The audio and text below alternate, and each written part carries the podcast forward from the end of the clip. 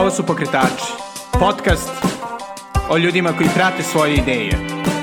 Ja sam Srđan Garčević. Dobrodošli. Ćao i dobrodošli u najnoviju epizodu Pokretača u novoj, nadam se, fantastičnoj 2021. godini ili za e, entuzijaste koji se pridržavaju julijanskog kalendara, e, apsolutno poslednjoj epizodi u 2020. godini. U svakom slučaju, koji god kalendar da poštujete, nadam se da ste uživali tokom ovoga maloga predaha od pokretača. Nadam se da ste fino proslavili Novu godinu, Božić i ostale praznike i da e, ste spremni za izazove i nadam se i lepe stvari koje donosi nova godina. E, blago povezano s tim, današnja gošća je fantastična Eva Velimirović. Um, ona je psiholog, takođe psihoterapeut, uh, ali i konsultant koja se bavi uh, treniranjem ljudi u većim organizacijama da što bolje iskoriste svoj potencijal bilo kroz komunikaciju, bilo kroz korišćenje vremena, e, ali isto tako moja vrlo draga prijateljica od mojih najranijih dana i jedna od osoba koje su dosta uticale na moj pogled na svet, ali i na psihologiju. E, sa Evom sam pričao, kao što ćete čuti prvo, o njenom putu u psihologiju, o raznim stvarima kojima se bavila i koje psihologija omogućila da se bavi. E, bilo to, jeli, e, predavanje, bilo psihoterapija, bilo organizovanje treninga i generalno ovaj, consulting u HR-u, um, ali i o raznim izazovima sa kojima se susrećemo, um, o mentalnom zdravlju, o depresiji, o uh, ba, raznim ovaj, situacijama koje nas malkice izvode iz koloseka, pogotovo ovako stresnim vremenima kao što potencijalno mogu da budu pandemije. Tako da se nadam da, da će vam biti zanimljivo. Meni je svakako bilo drago. Ovaj, vidjet ćete sa Malkice um, prekršio svoje pravilo da, da ne pričam previše na svom podcastu. Nadam se da uh, mi nećete zameriti, ali ovaj, kada imate sagovornika kao što je Eva, nekoga ko je vrlo voljan ne samo da vas sluša, već i da uh, od vaših misli, pogotovo e, zbunjenih misli učini da one imaju smisla, ovaj, to, je, to je pravo zadovoljstvo i morao sam da iskoristim priliku, a nadam se da će biti i vama informativno. Prije nego što čujete Evu, eh, hteo bih prvo da se zahvalim ljudima koji su odlučili da podrže pokretače e, i kao jeli jedan e, nezavisni mediji, e, konkretno Danilu i Eši. Hvala vam puno Danilo, hvala puno Eša. E, I da, i da vas pozovem da ukoliko mislite da e, to ima smisla za vas, da podržite pokretače finansijski preko Patreona na adresi patreon.com kosacrta Belgrade ili preko Paypala na adresi paypal.me kosacrta Sgarcevic. E, kao što vidite, pogotovo po proteklih par dana, ovaj, e, vrlo je bitno da postoje nezavisni e, mediji, nezavisni prostori u kojima mogu da se slobodno razmenjuju mišljenja, to je nešto u što ja verujem i bilo da se radi o pokretačima, bilo da se radi o nekim drugim publikacijama, podcastima, YouTube videima, mi se čini da će biti izrazito bitno da ih ovaj, da, da budu finansijski podržani nezavisno, e, jer će to osigurati mogućnost da, da čujemo razne stvari koje izgleda postaju sve kontroverznije i kontroverznije, iako ranije smatramo i iz dobrih razloga smatramo da uh, su one zapravo sasvim normalne, ali eto, tako vam je to kada imate uh, oligarhijske medije i um, ovaj, tehnološke kompanije. Ali ok, bez duženja i ovaj, previše moljenja za novac, e, uživajte u ovoj vrlo bitnoj i vrlo zabavnoj epizodi sa Evom I da, e, nadam se da ćete dosta toga izvući iz iste. Hvala Eva što si prihvatila da budeš gost u pokretačima, ovoga puta nešto malkice drugačije za početak ove, e, nadam se uzbudljive i ne previše uzbudljive 2021. Ove, kako si uopšte odlučila da se baviš psihologijom, pa posle, jeli, terapijom i drugim stvarima?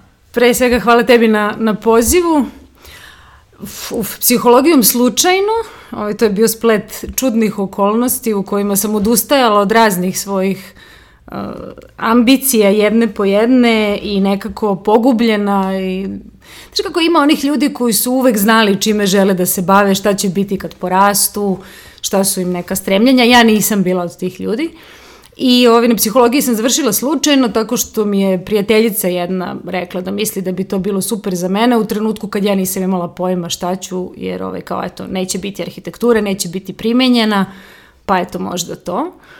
Međutim, ovaj, kako se nekad nameste tako super stvari u životu, mislim da je, mislim da je ispalo, ispalo super.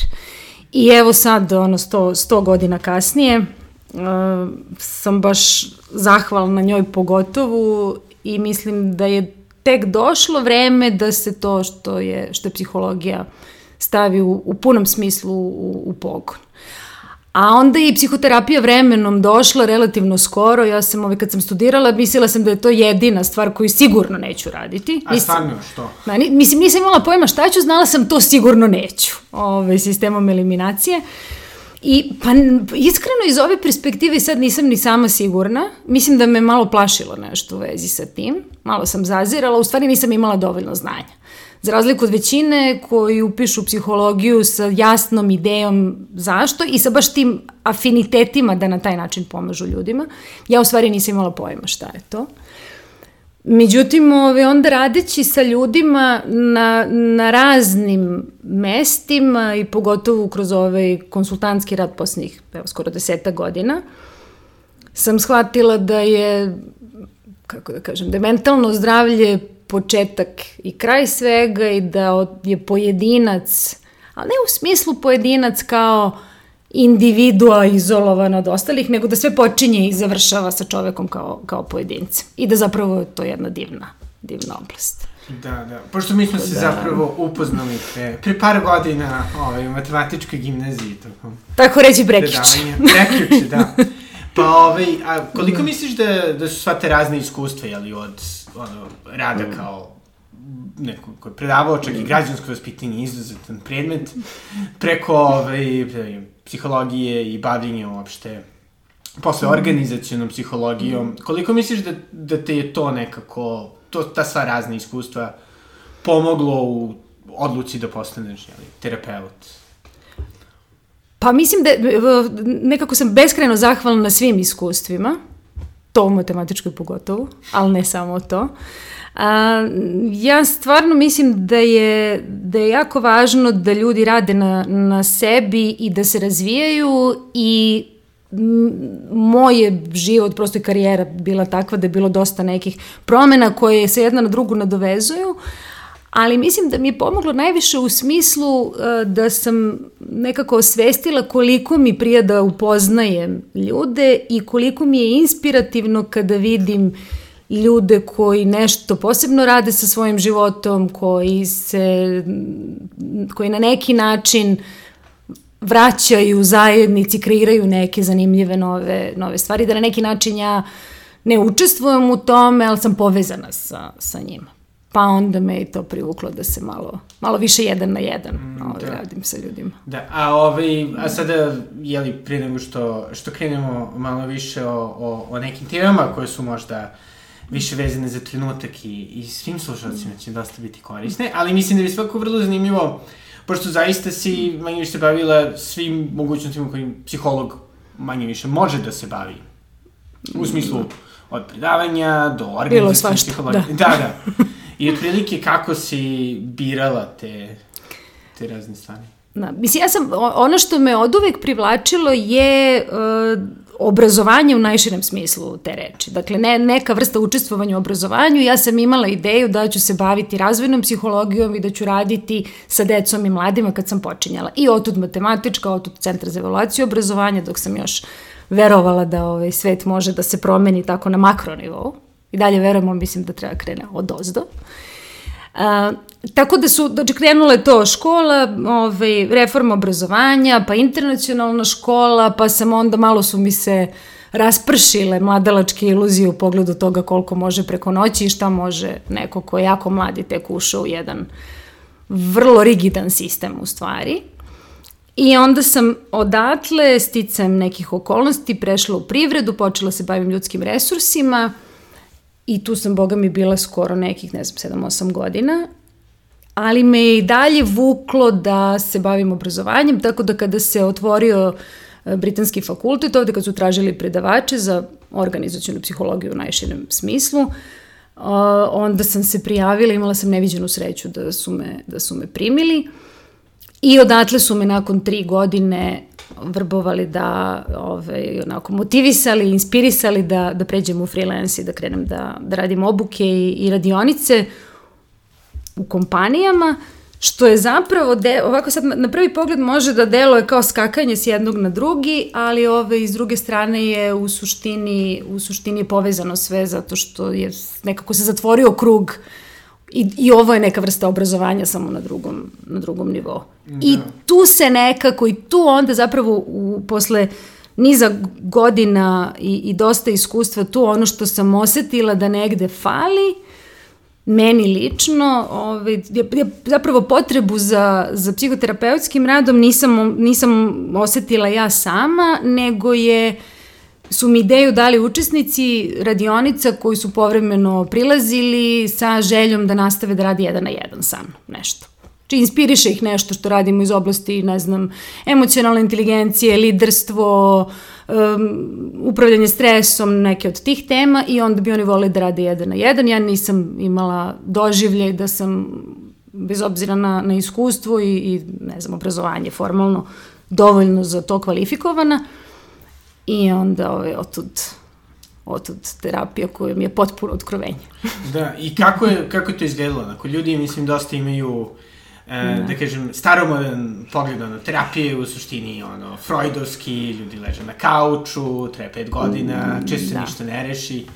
Da, da, da sve shvatiš, da. sve shvatiš i onda ne znaš šta ćeš sa tim. Da. E, kako, je, kako izgledalo šta? Kako izgledalo moje, moje iskustvo ili... Pa ne, u smislu ono, trening za, za terapeuta. I da. pogotovo da. ovaj u REBT-u, ili tako? Da. To je Da, ja sam odabrala na kraju, dosta sam se, dosta sam se ove, lomila, ove, odabrala sam kognitivnu behavioralnu terapiju zato što je e, prvo proverena, prva empirijski dokazana da daje poznane, poznane rezultate i zna se prosto kako funkcioniše, ima jasne alate, ali ono što mi je presudno bilo je da je orijentisana na sadašnji trenutak i na budućnost. Dakle, ne bavi se toliko, nije beznačajno daleko od toga, značajno je šta su nečije iskustva, ali u kontekstu toga kako ta iskustva oblikuju naš odnos prema sadašnjem trenutku, kako nas negde ograničavaju ili nas omogućavaju da ostvarujemo svoje, svoje ciljeve. I u stvari više orijentisana na to ili pre svega orijentisana zapravo na to da se e, pomogne ljudima da ostvare svoje ciljeve i da budu zadovoljni i srećni. Ne toliko, za razliku od, od drugih nekih terapijskih pravaca, ne toliko na to uslovno rečeno i krajnje pojednostavljeno rečeno kopanje po, po prošlosti, koje je apsolutno značajno i korisno, Samo, kaže, meni lično ove, je zbog, zbog prirode posla koje radim i zbog, zbog ideje koje imamo o tome što, gde mogu da doprinesemo ovo nekako malo više leži. Tako da, mislim, hoću da kažem, ima raznih terapija. Jedno je to ta predstava iz filmova. Da, da. Ima i toga. Ja sam inače prošla kroz, kroz to ovi, li, kao, kao klijent ovi, i fenomenalno iskustvo. Uh, a, ima svojih i tekako čari, ali ovi, kažem, psihoterapijski pravci su toliko raznovrsni, ima toliko svega i svačega. Pitanje je šta nekoga muči ili šta nekome otežava svakodnevnicu, šta nas negde blokira, pa prema tome onda je najpametnije birati šta koji je najbolji pravac. Mm, Da, Da. I, i nekako ono, meni deluje da u proteklih pa deseta godina svakako kod nas, na, na zapadu svakako duže, ups, Ove, nekako postoji taj trend ka ka stavljanju, da kažem, mentalnog zdravlja ili ne nužno samo kao pa, mentalne patologije, pa obrnuto već uopšte bavljenja sobom na tom nivou ovaj, u prvi plan. E, i, I dobro, i s jedne strane, ali, terapija treninga, opet s druge strane, samo pomoći. I čini mi se, naravno, sada sa ovaj, koronom i sa svim izazovima koje smo imali i koje ćemo svako imati u narednim godinama, pošto svet ne deluje da će ići baš preterano stabilnije, ovaj, da nekako ljudi prirodno pate pa se okreću tome. Ovaj, kako se zapravo promenilo usmrčena da kažem, tržište iz, iz tvog aspekta? Ja, znaš, nisam sigurna, ja ove, nisam dovoljno u toj materiji dugo da mogu da, da znam kako je bilo ranije. Iskreno se nadam, imam utisak da se malo normalizuje to da se traži pomoć od nekoga ko je stručno lice, u smislu ne mora biti psihoterapeut, neko ko je psiholog ili je bilo koje druge ovaj, obrazovanja koje je nekako kvalifikovano da, da nekome pomaže u, u tom smislu. Nadam se da se malo normalizuje, imam utisak da je malo ovaj, se poboljšalo, imam utisak po tome koliko mene ljudi kontaktiraju za preporuke i vidim da su to sve češće neke situacije i neki problemi koji nisu dramatični životni problemi, nego i neke onako relativno svakodnevne ovaj, tegobe. E, na zapadu jeste to već, već uveliko, rekla bih, skoro deseta godina ovaj, se dosta priča o tome. Ide se ka tome, ja se iskreno nadam da će, to, da će briga o mentalnom zdravlju stvarno doći do nivoa na kome briga o fizičkom zdravlju, što je takođe bio tabu do jednog trenutka. Mislim, ima divno ovaj Dan Harris, koga ja jako, jako volim, on ovaj, navodi taj primer kad kaže, ovaj, ne znam, pre 100 godina da je neko izlazio da džogira, gledali bi ga svi kao da nije normalan. Danas je to standard i normalno da se brine o fizičkom zdravlju, da se ide u teretanu, da se vodi računa o fizičkoj aktivnosti. E, u tom smislu mislim da je, ovaj, da je divno što se ide ka tome da, da se bolje razume da je mentalno zdravlje isto kao i fizičko zdravlje nešto što je jedan konstrukt i ideal kome težim. Mislim, šta znači biti fizički zdrav? Ko je fizički zdrav? Ovi, to je neki trenutak u kome je sve dovoljno okej okay, i vrlo često fizičko zdravlje podrazumeva i neke e, tegobe veće ili, ili manje ozbiljne ili manje ozbiljne, isto i sa mentalnim zdravljem. I što pre nekako se pomirimo i prihvatimo to kao normalni deo svakodnevnice, to će nama biti, to će nama biti lakše i to ćemo biti spremni da onda razmišljamo o tome kako sebi da pomognemo kad nije sve idealno. Kad vidimo da se sa nečim malo borimo, da nam je negde malo teže. I u tom smislu sad, mislim, ta, ta priča o, o samopomoći, jel misliš na nešto konkretno kad pričaš o samopomoći ili... Pa dobro, mislim, evo recimo, ono, ok, ono, od popularnosti, ne znam, Jordana Petersona, onda Marka mm. Mansona, gde mi je Mark Manson, mm. moram da kažem lično, ovaj, vrlo, vrlo dragi, ovaj, mm. preporučujem knjigu. Mm. Ovaj, volao bi da me sponzoriše, ali, nažalost. Alas, Mark, ali ako slušaš. Nikad se ne zna. ali da, ali, ali recimo to, ali mi se čini isto da. nekako ono da više i u novinama i u medijima uopšte ljudi pričaju o načinima da i, i otvoreni su kod, ne znam, svojih depresija ili raznih drugih da. ovih problema. Ja mislim da je to super, pogotovo ja imam čerku od 13 godina i meni je, na primjer, zanimljivo kako sve više um, muzičara i glumaca koji su njena ciljna grupa, koji su malo stariji od nje, vrlo otvoreno pričaju o svojim borbama sa anksioznošću, najčešće javne ličnosti najčešće pate od, ove, od anksioznih problema, sa depresijom i tako i to mislim da je super što se o tome priča i piše. Um, slažem se da ima, da ima fenomenalnih knjiga i članaka i mislim ima i svega i svačega i, i na YouTube-u i govora i predavanja, ali naravno kao i za sve ima svega i svačega u svakom smislu. Da. I to mislim da je glavna u stvari, glavna u stvari uh, nekako začkoljica naći ono što stvarno može, što stvarno može da nam, da nam pomogne. Mislim da nije neophodno za svakodnevne probleme ići kod psihologa ili ići na, na psihoterapiju. Super je ove, ako neko oseti potrebu i ima luksus da, da to sebi može i da, da priušti. Za mnoge ljude je to ipak luksus.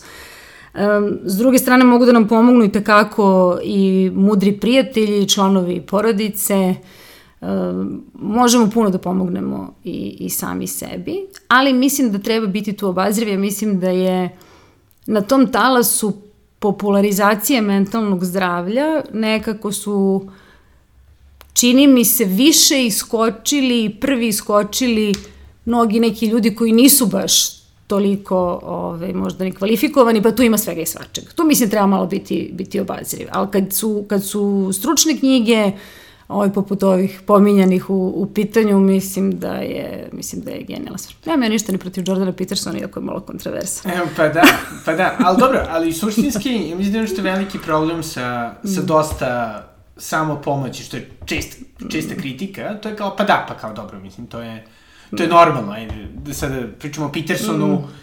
ono, lupam stvari kao, ne znam, sredi mm. sobu, budi odgovorni, u suštini sve stvari da. koje nekako jesu deo svačijeg vaspitanja, ali opet mi se čini da isto ljudi malo pocenjuju koliko ljudima koji pate ili koji su da.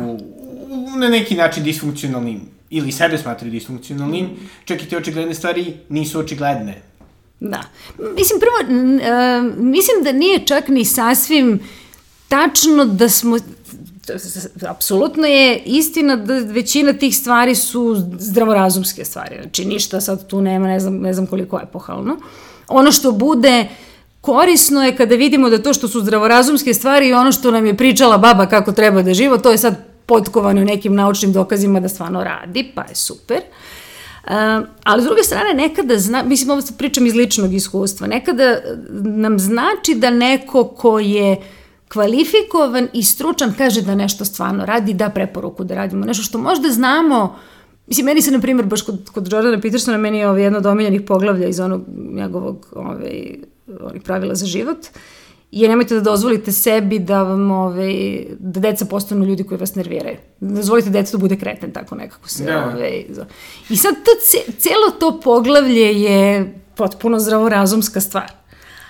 Ali ima i jednu zapravo duboku filozofsku konotaciju u kojoj se poziva svaki pojedinac koji je roditelj da dobro razmisli o tome šta su mu suštinske vrednosti i da onda vidi kako te vrednosti da zapravo prenese koliko je moguće na, na jedno ovaj, mlado ljudsko biće koje je pod uticajem svih mogućih ovaj, da. raznih ovaj, sila i struja.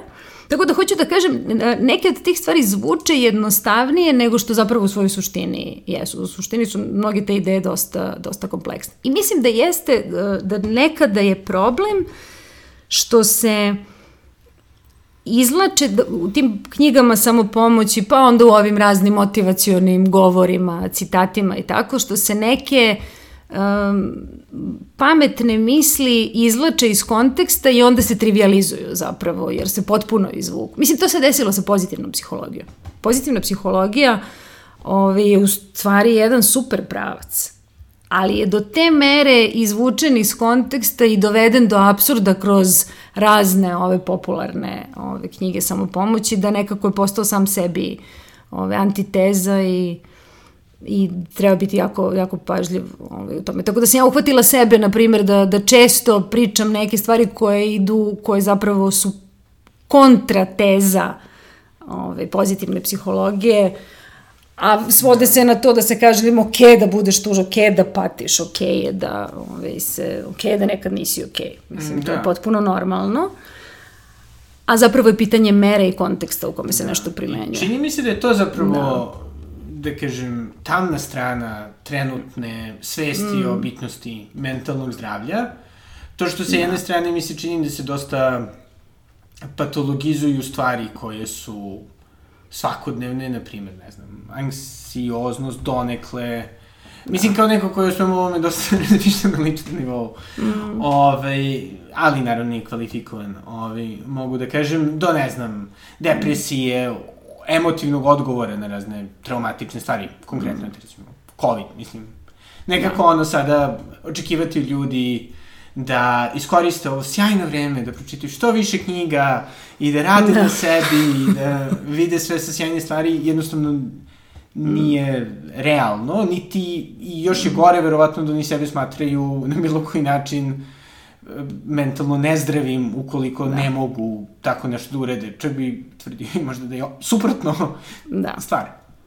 Ili nebitno. Dok opet mm. isto, ali opet isto sa druge strane, uopšte ubacivanje tog vrlo, da kažem, medicinskog i konkretnog rečnika među lajke koji, kao što spomenula, sa pozitivnim psihologijom jednostavno nemaju celu strukturu, nemaju dovoljno znanja da bi mogli uopšte da ih shvate u tom kontekstu, a da ne kažu, a ne znam, ovo je patološki ili ovo je skroz.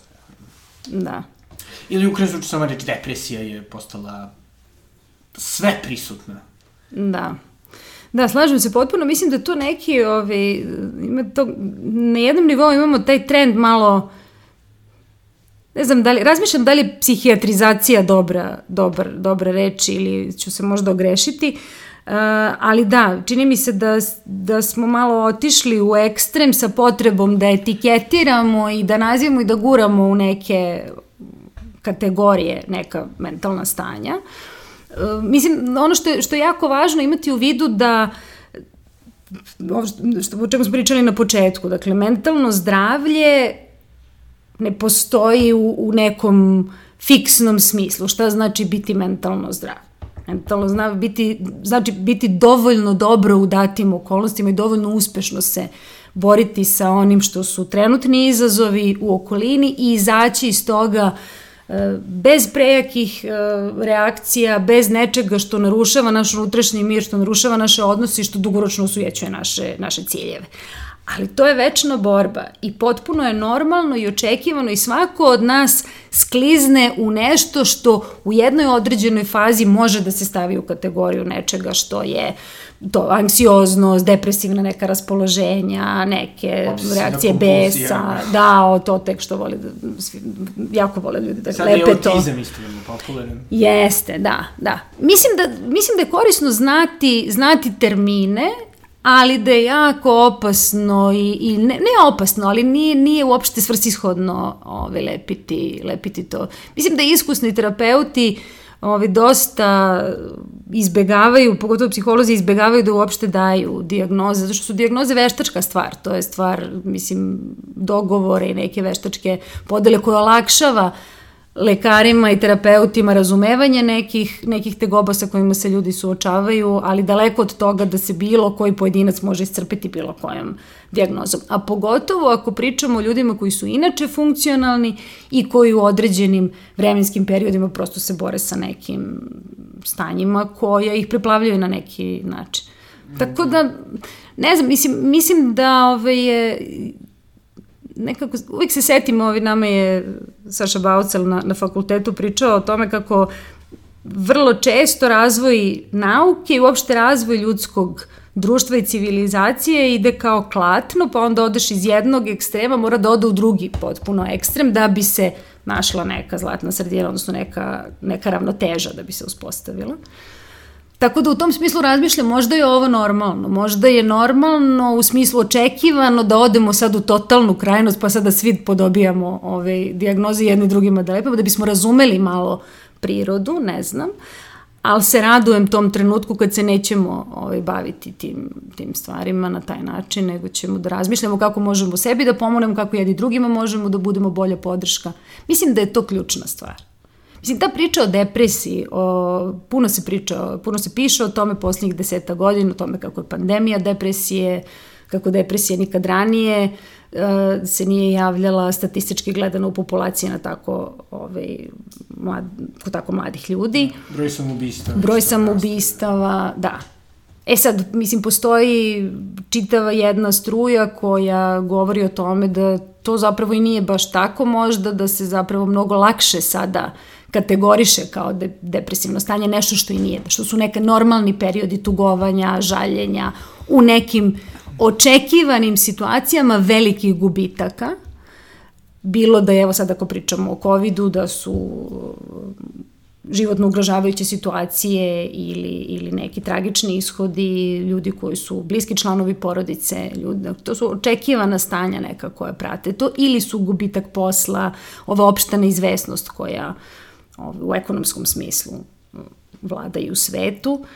Tako da sad pitanje, ne znam, ja lično ne, nemam dovoljno znanja da mogu da, da sudim o tome da li je stvarno jeste ili je samo više, ove, ali je činjenica da je, da je, više, da je više prisutno nego ranije. Ono što je meni, na primjer, interesantan podatak jako, je da su istraživanja uh, pokazala da je u velikoj meri uh, postoji visok nivo povezanosti između doživljaja usamljenosti i kod ljudi i, i onoga što liči na neka, sad ako pričamo o, o, o organizacijama i o ovaj, korporacijama, ono što liči na neki sindrom izgaranja i na ta neka depresivna raspoloženja, nedostatak motivacije u organizacijama se u velikoj meri zapravo svodi na doživlje usamljenosti. Aha. I to je, na primjer, meni interesantno kao tema, šta možemo da uradimo da se bolje povežemo jedni sa drugima, da, da bolje jedni druge čujemo, vidimo, razumemo. Da. Kako tu, da. da. I to je možda baš zanimljivo, ovaj, kad pričamo ono, patologizaciji, recimo, mm. pogotovo u ovaj, romantičnim vezama, čini mi se da je to možda jedna od glavnih barijera mm -hmm. e, ovaj, povezivanju, zato što, ono, ne znam, ukoliko ste mm -hmm. određeni tip osobe koja e, ima određenu familijarnost sa e, osnovima, osnovima psihologije ili psihoterapije, onda kao vidite e, osobu koja vas zanima i oni urede nešto drugo i vi ste odmah, a, lupom ovaj, ono, borderline, mm -hmm. tipični Aha. simbol. I, hoću da kažem, mm. nekako da, da baš zbog e, da ima previše razmišljenja, da li misliš da nas to možda malkice, ono, odvaja, ne nužno ne nužno samo ovaj, self-help da nam uništa veze, ali da jednostavno nekako ima previše razmišljenja i od da smo skloni, misliš da smo skloni tome da prepoznajemo neš, neke ono, neadaptivne obrazce ponašanja kod drugih ljudi pa nas to odbije jer prepoznamo da to kao nije... Da, ili ili zapravo verovatno možda jednostavnije da zapravo nemamo, da imamo vrlo abstraktnu svest o tome kako ljudi zaista treba da se ponašaju spremo onoga mhm. kako se oni zaista ponašaju, što je suštinski dosta manje predvidivo ili idealizovano. Da, ba, mislim, ako se, sad, ako se oslanjamo na, na, to, na, na uputstva iz literature kako treba da izgleda idealna veza, idealno upoznavanje, da, onda tu... Ili prijateljstvo. Težko, ili to... prijateljstvo, da. Teško da ćemo, teško da ćemo ovaj, dobro da prođemo. Da, slažem se da tu treba biti obazriv. Uh, mislim da je tu još jedna tema značajna, sad, sad ovaj, inspirisao si me pa, pa onako ide mi, idu mi misli na, na dva koloseka. Uh, vrlo značajna tema jeste i pitanje poverenja među ljudima koje uh, utiče i tekako na uspostavljanje smislenih veza sa drugim ljudskim bićima, bilo da su u pitanju prijateljstva ili partnerski odnosi. I ono što je zanimljivo, na primjer, isto ako pričamo o, o rezultatima istraživanja, jedan, imam jedan poražavajući ovaj podatak, a to je da su istraživanja koje su rađena, izašli su rezultati bukvalno pre par godina, rađeno je veliko istraživanje na nivou Evropske unije u kome se pokazalo da je kod nas nivo poverenja u druge ljude dramatično niži u odnosu na bilo koju drugu zemlju u regionu i u Evropi uopšte. Znači imamo daleko niži stepen poverenja uh, u ljude oko sebe nego što je to slučaj, na primjer, sa zapadnom Evropom ili severnom Evropom, što je men, mene lično prilično iznenadilo. Pa onda posle kad sam malo bolje razmislila, onda me zapravo i nije, nije iznenadilo. I sad mogli bismo da razmišljamo o tome koje su, zašto je došlo do toga, ali mislim da, da je jako korisno razmišljati, bilo da pričamo o pojedinačnom nivou, dakle uspostavljanja to prijateljskih partnerskih odnosa ili na nivou čitavih organizacija, sistema, društva, porodice, da je ta tema koliko imamo poverenja jedni u druge i kako možemo da steknemo viši nivo poverenja izuzetno značajno. Jer ako nemamo poverenja, kako ćemo se onda povezati, ako se ne povežemo, onda ćemo biti još više usamljeni a ako smo usamljeni, onda to za mentalno zdravlje nikako ne može biti dobro, zato što mi nismo vrsta koja, je, koja može da opstane sam, samostalno, a da bude srećna ispunjena. Prosto to pojedinci verovatno mogu, ali na, ako generalno gledano ljudi nisu, ljudi nisu bića koje treba da žive izolovano od drugih ljudi. Da, da, i, da. i, ovaj, i kao neko ko i, ali, sam razmišljao dosta o tom, ono, standardnom freudijanskom ovaj, e, modu, ja sam prvo dosta krivio svoje roditelje za sve probleme, pa sam onda kad shvatio da je to možda malo nepopularno, shvatio da treba da se krivi celo društvo za te probleme. Mm -hmm. shvatio da ipak ono možda ni to nije, nije super produktivno, ali šta bi recimo ti savjetovala? Mislim, u suštini ono, ja se... Koga da krivimo? Slažem. Ne, ne, ne koga da krivimo, ali kao, mislim, to je super, ono, divno, znate ko vam je, ko je. Šta vas je zeznulo, ali nažalost mm. ovaj nema šanse da se lansirate u neki drugi svet, ili vrlo teško u samom slučaju, probao sam. Ove, da. sa promenom i, i zemalja i svega, ali ove, kako, šta bi ti savjetovao, mislim teško bi ono pitanje, ali pojedincima da, da takve stvari i, i generalno taj trend koji u celom mm. svetu ka zapravo dosta goroj situaciji za ljude, za povezivanje iz raznih mm. razloga, ne samo COVID, ekonomskog nestabilnosti i svega što dodatno jeli, erodira neku mm. stabilnost i mogućnost za pravljenje normalnih veza. Šta bi savjetovala kako ljudi mogu na svom nekom ličnom nivou da sebi pomognu?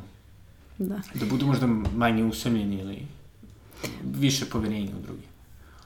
Ja mislim da je jako korisno zapitati se, da se svako, evo sad baš razmišljam i ja dok, dok te slušam ovaj, kako govoriš, mislim da je korisno da svako sebe zapita šta je to što ja radim što me onemogućava da se bolje povežem sa drugim ljudima. Dakle, tu prepoznati svoju, pre svega svoju odgovornost za to da, da li ja možda nemam dovoljno poverenja, da li se plašim da ću biti povređena u nekim odnosima, da li se više povlačim, da li sam sklona da se možda pretvaram da sam čvršće i jača nego što jesam. Da li sam sklona nekom perfekcionizmu možda pa onda očekujem od drugih nešto što možda nije realno očekivati od drugih. Ili sam možda malo neodgovorna. Dakle, svako od nas može da prepozna nešto što su uh, ne, neki obrazci ponašanja ili reagovanja koji možda nisu baš idealni za uspostavljanje odnosa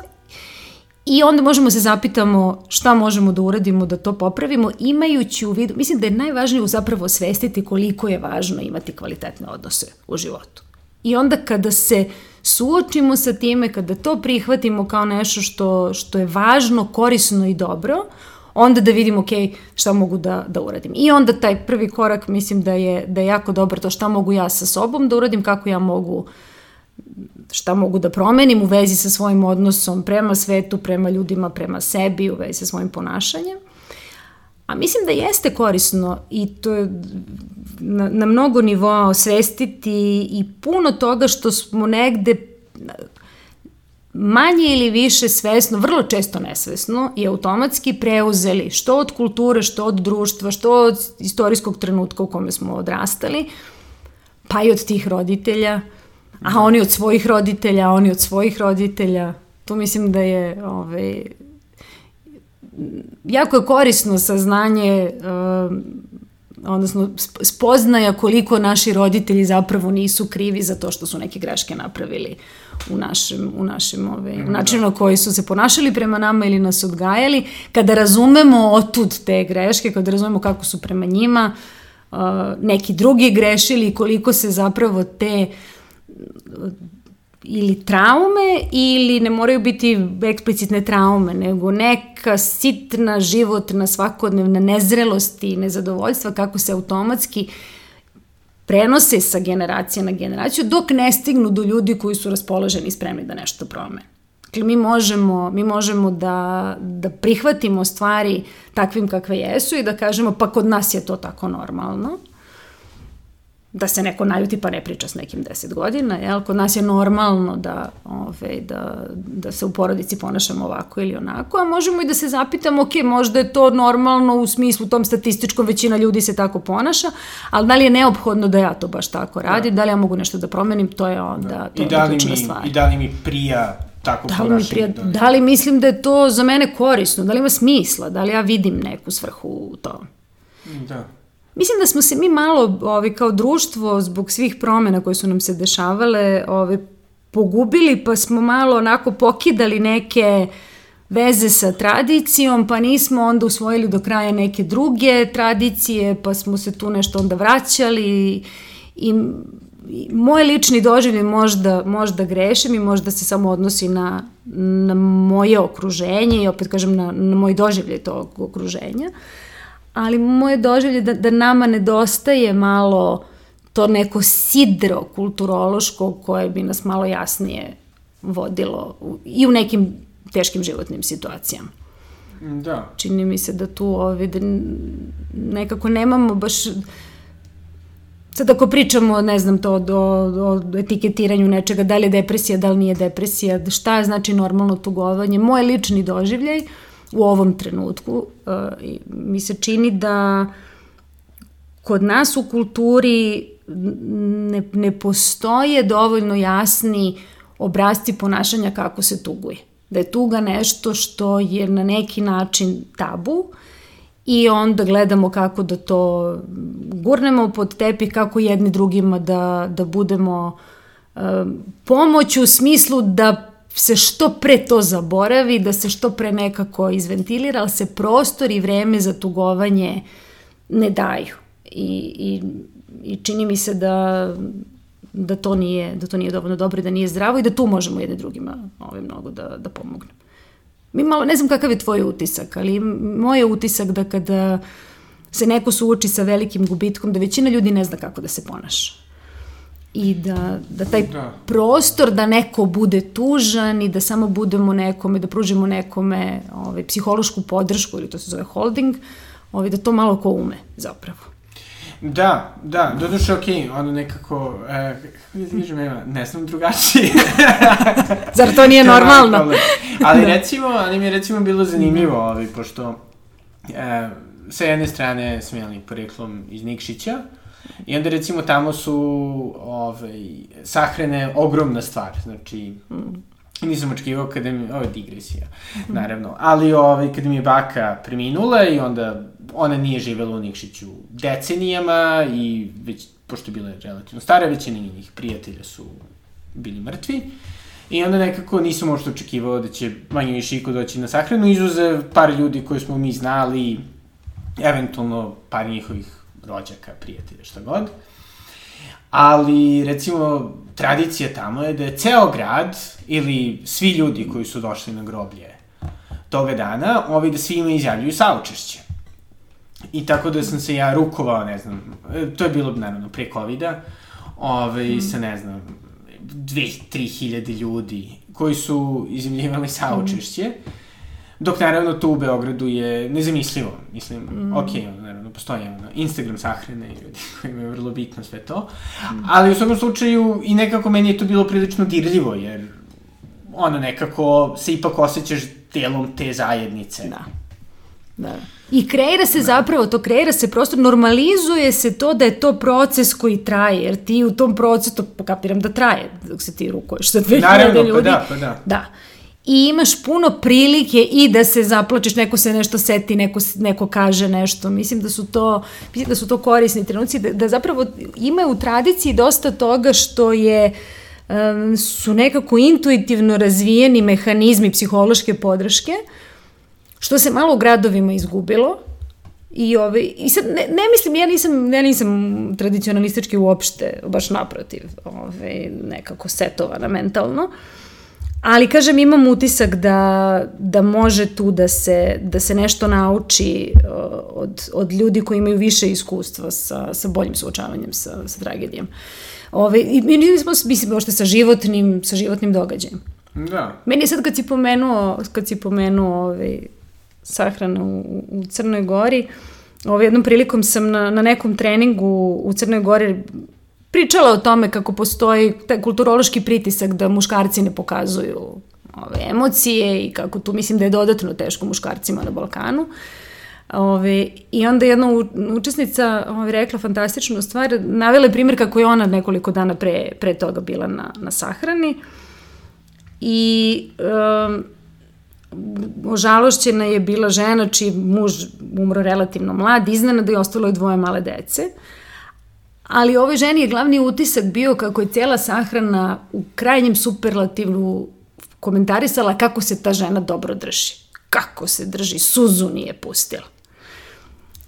I u stvari to je zanimljivo šta mi podkrepljujemo jedni kod drugi, šta se negde vrednuje, na šta obraćamo pažnju, šta nam deluje kao, kao ovaj, nešto što je Hvala negde vredno. socijalno da, da. poželjno ponašanje u određenim situacijama.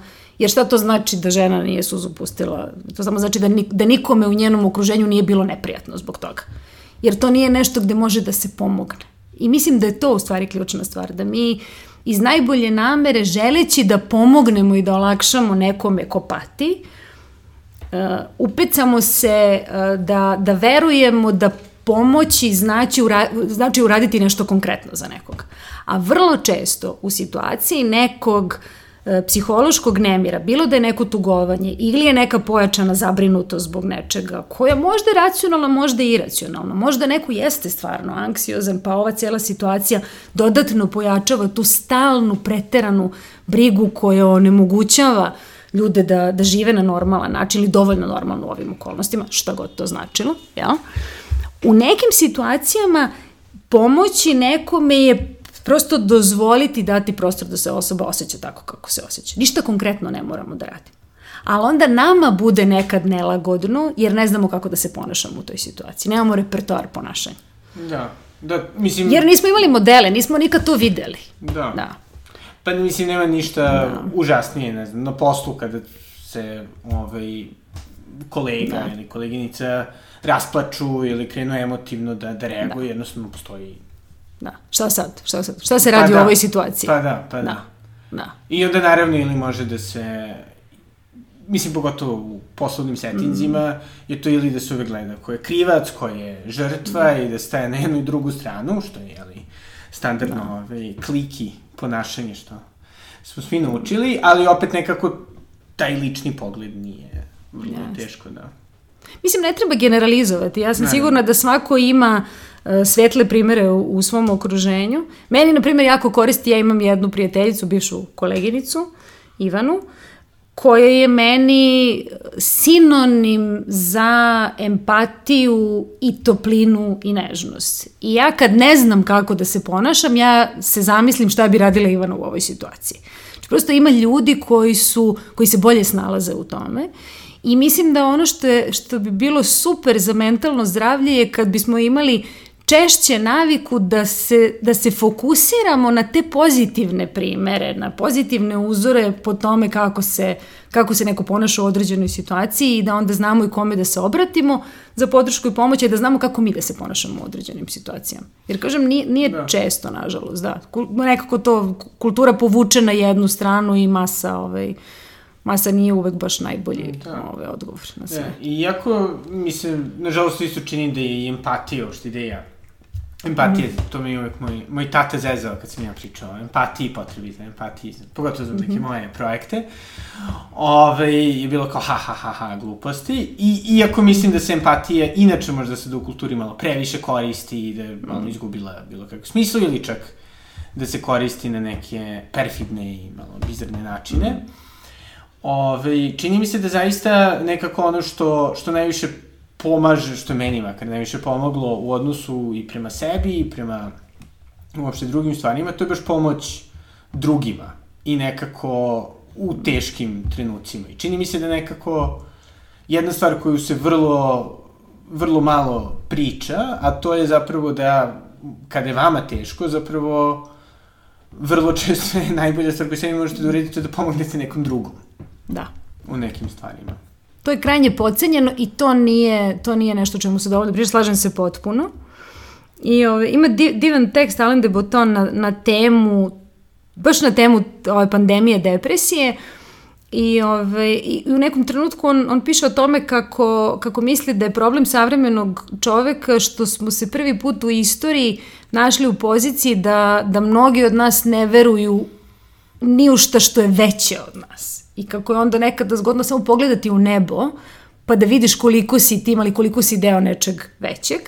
E onda u tom smislu i to, ta, ta svest o tome da smo deo neke šire zajednice i da ima uvek oko nas ljudi koji takođe pate, to nije nikakvo takmičenje, nije, nije neophodno da neko da. više pati ili da je u goroj situaciji. Ali ovi, da, sva, sva istraživanja, a još, još mnogo važnije od svih istraživanja i, i lična iskustva pokazuju da on, u on, onog trenutka kada se nekako izađemo iz sebe i počnemo da razmišljamo o nekom drugom, potpuno se promeni pogled na svet, kao da se presloži kompletno ovaj, čitava slika. Da. I ono što mi se da. čini da isto u tim situacijama kako meni bilo bitno, to je baš ta, taj osjećaj da možete nekako nešto malo da promenite u svetu. Znači, nekome da. ste, lupam, ono, udelili kompliment ili u krenu slučaju mm. ste im se našli kad im je neki veći problem ili s tim pomogli i nekako čini mi se da, da jednostavno daje osjećaj toga da ste donekle sposobni bilo šta u životu da radite, što je često u mojim ono, nekim down fazama bio najveći problem, taj neki osjećaj bespomoćnosti. Jeste. Ja mislim da, da, ove, da život inače čine male stvari i mali trenuci i da je, i, i slažem se potpuno sa, sa svima koji nekako pokušavaju da se izbore za to da taj običan život ovaj, ponovo postane nešto čemu se teži. Tako da u tom smislu uh, običan život, obične svakodnevne sitne stvari, sitni gestovi, to zapravo, to zapravo čini život i to čini odnose. I sad ako se vratimo na pitanje poverenja, povezivanja sa drugim ljudima, tu mislim da ne treba razmišljati ni o kakvim velikim gestovima, ne znam kakvim velikim akcijama. Vrlo često uh, pozvati nekoga i pitati kako si, mogu nekako da ti pomognem, da se vidi, ponuditi razgovor, ponuditi neku vrstu pomoći ili prosto ponuditi svoje vreme nekome, to ne da nije samo, nego to najčešće znači mnogo više od bilo čega drugog. Tako da to, to apsolutno ove, mislim da, da je važno osvestiti taj značaj tih sitnih stvari. To nekome pridržim vrata, nekom kažem dobar dan, nekome pomognem na ulici, da nađe ulicu za koju niko nije čuo. Ove, uh, I s druge strane, druga stvar isto o kojoj se više priča, ali mi se čini da se ne praktikuje dovoljno, je uh, ta navika iskazivanja zahvalnosti za neke lepe, lepe trenutke i lepa iskustva za koje se pokazuje isto da je, da je neverovatan no, agregat za mentalno zdravlje, praktikovanje redovne zahvalnosti za ono što negde u svom životu ipak imamo uprkos, uprkos svemu. I to zahvalnost na dva nivoa, s jedne strane ne samo to za, za, za život koji imamo, za ljude koji nas okružuju, za krov nad glavom, za mi ipak koliko god da je vreme nesigurno, nestabilno, problematično i teško, mi ipak živimo u istorijskom trenutku koji je nikad stabilniji, nikad bolji za, za, mnoge, za mnoge ljude ako gledamo na nivou, na nivou da. populacije u odnosu na neke prethodne istorijske periode. Ali tu mislim i na ovu zahvalnost u pogledu toga uh, zahvalnost prema sebi u određenom, na određeni način. Dakle, za, pogled ka sebi u smislu šta je to čime ja doprinosim da imam ove odnose, šta sam to uradila u svom životu da imam ove ljude koji me okružuju, da imam ovaj posao koji radim ili da imam ovo okruženje koje imam. Tako da ovaj, osvešćivanje svega onoga na čemu zapravo imamo da budemo zahvalni a onda još dodatno, dodatno iskazivanje zahvalnosti se, kažem, pokazalo kao neverovatan ovaj faktor za postizanje ličnog zadovoljstva, što nemam utisak da se nešto baš često radi. Mada, mada znam iz, ove, iz rada u korporacijama da ima ljudi koji redovno praktikuju to u svom svakodnevnom radu, ne zato što su to naučili na nekom treningu, nego prosto tako, tako funkcionišu. I sad ako pričamo o organizacijama, to su u timovima gde imate takve članove ili pogotovo ako su menadžeri ove, ti koji su, kojima je prirodno iskazivanje zahvalnosti za neke svakodnevne doprinose zaposlenih, to su daleko zadovoljni timovi, daleko se bolje, daleko se bolje osjećaju članovi koji tamo rade, viš, viši je nivo psihološke sigurnosti, bolje je povezanost sa timom i onda se posao radi iz nekih drugih razloga. Ne da se odradi posao, ne da se zarade pare, ne da se postignu targeti, nego zato što smo mi tim i tim je važniji od bilo čega drugog. Da. Na individualnom nivou je isto. Na individualnom nivou isto. Tamo gde se u porodicama, gde je to ovaj, praksa koja se primenjuje češće, prosto se članovi porodice bolje bolje osjećaju i onda nekako to krene jedno za drugim, ovaj, jedno vuče, jedno vuče drugo, kao neka pozitivna snežna lavina. Da, da. I, i sada, ovaj, bivši da si i ti svakako kao konsultant i kao preduzetnik, mm. ovaj, isto pokretačice, da, da malo, ovaj, kako se približavamo kraju, fokusiramo i na to. Ovaj. Kako je tebi izgledalo to skakanje od ono, da kažem, stabilnih poslova... Socijalno, zdravstveno i redovna plata. Da, da, da, da, da. da. Uh, pa mislim, izazovno, prilika za razvoj. Nije problem nego izazov, nije izazov nego je prilika za razvoj. Dobro, to su da. eufemizmi. da, nije, ove, nije bilo lako, nije bilo lako. Meni je olekšalo da, da ove, donesem odluku, to što me stvarno uvek vuklo da radim nešto gde sam videla neki širi smisao.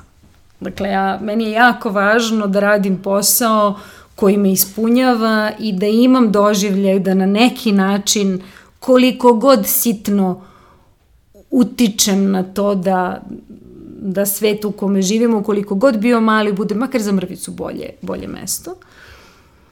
I nisam se pokajala, ali, ove, ali moram da kažem da je, da je ogroman skok i ogromna je, ogromna je razlika. Mislim, nije bilo, nije bilo lako.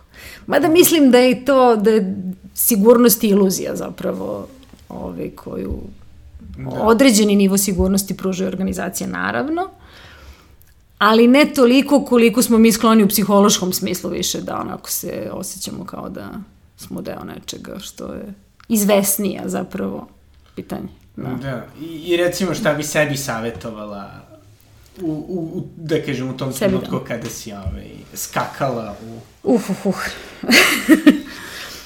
Da, evo to, mislim, to je neka tema ove, ovaj, možda za, za, neku narednu, za neku narednu godinu. Pa mislim, nezahvalno je tako ono, razmišljati unazad. Mislim da sam mogla možda malo bolje da se, da se pozicioniramo. S druge strane da sam mogla pozicionirala bih se bolje. Otkud znam, a i ko zna da. zašto je dobro sve ovako kako je, kako je bilo. Da, da, da. da. A i možda, dobro, da. ali svakako ovaj, da. preporučuješ, jel, optimistično.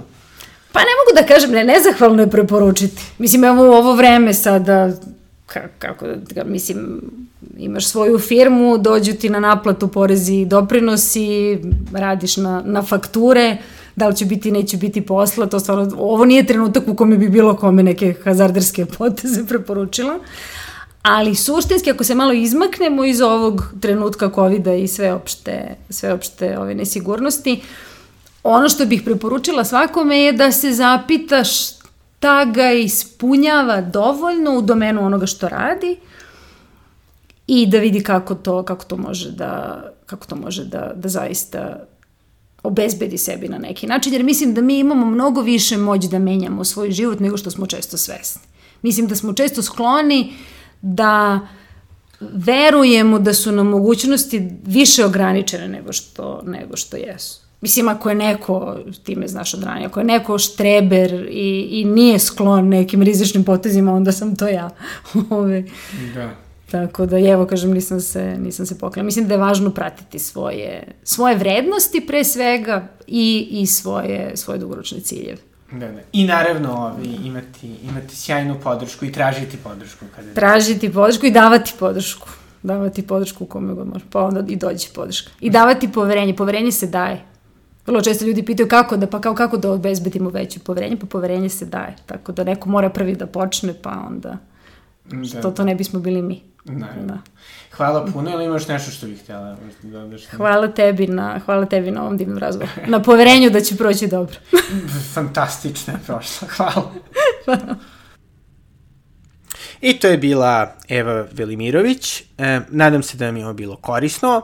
Za one koji se sada spremaju za doček 2021. godine, nadam se da ćete uživati. Za one koji e, su je dočekali pre e, dve nedelje, ovaj, nadam se da ćete isto uživati, da ćete naći neke druge razloge da slavite. E, hvala puno mecenama, hvala puno drugima koji su podržali pokretače i podržavaju pokretače finim komentarima, deljenjem i uopšte drugim e, načinima da, da ih promovišu. Hvala vam puno, zaista svaka vaša reč znači, svaki like i svaki share zaista znači, ne samo zbog algoritma, već i zato što meni malkice podiže ego, što ovaj, nikad nije loše. I to je to. Do sledećeg slušanja. Doviđenja.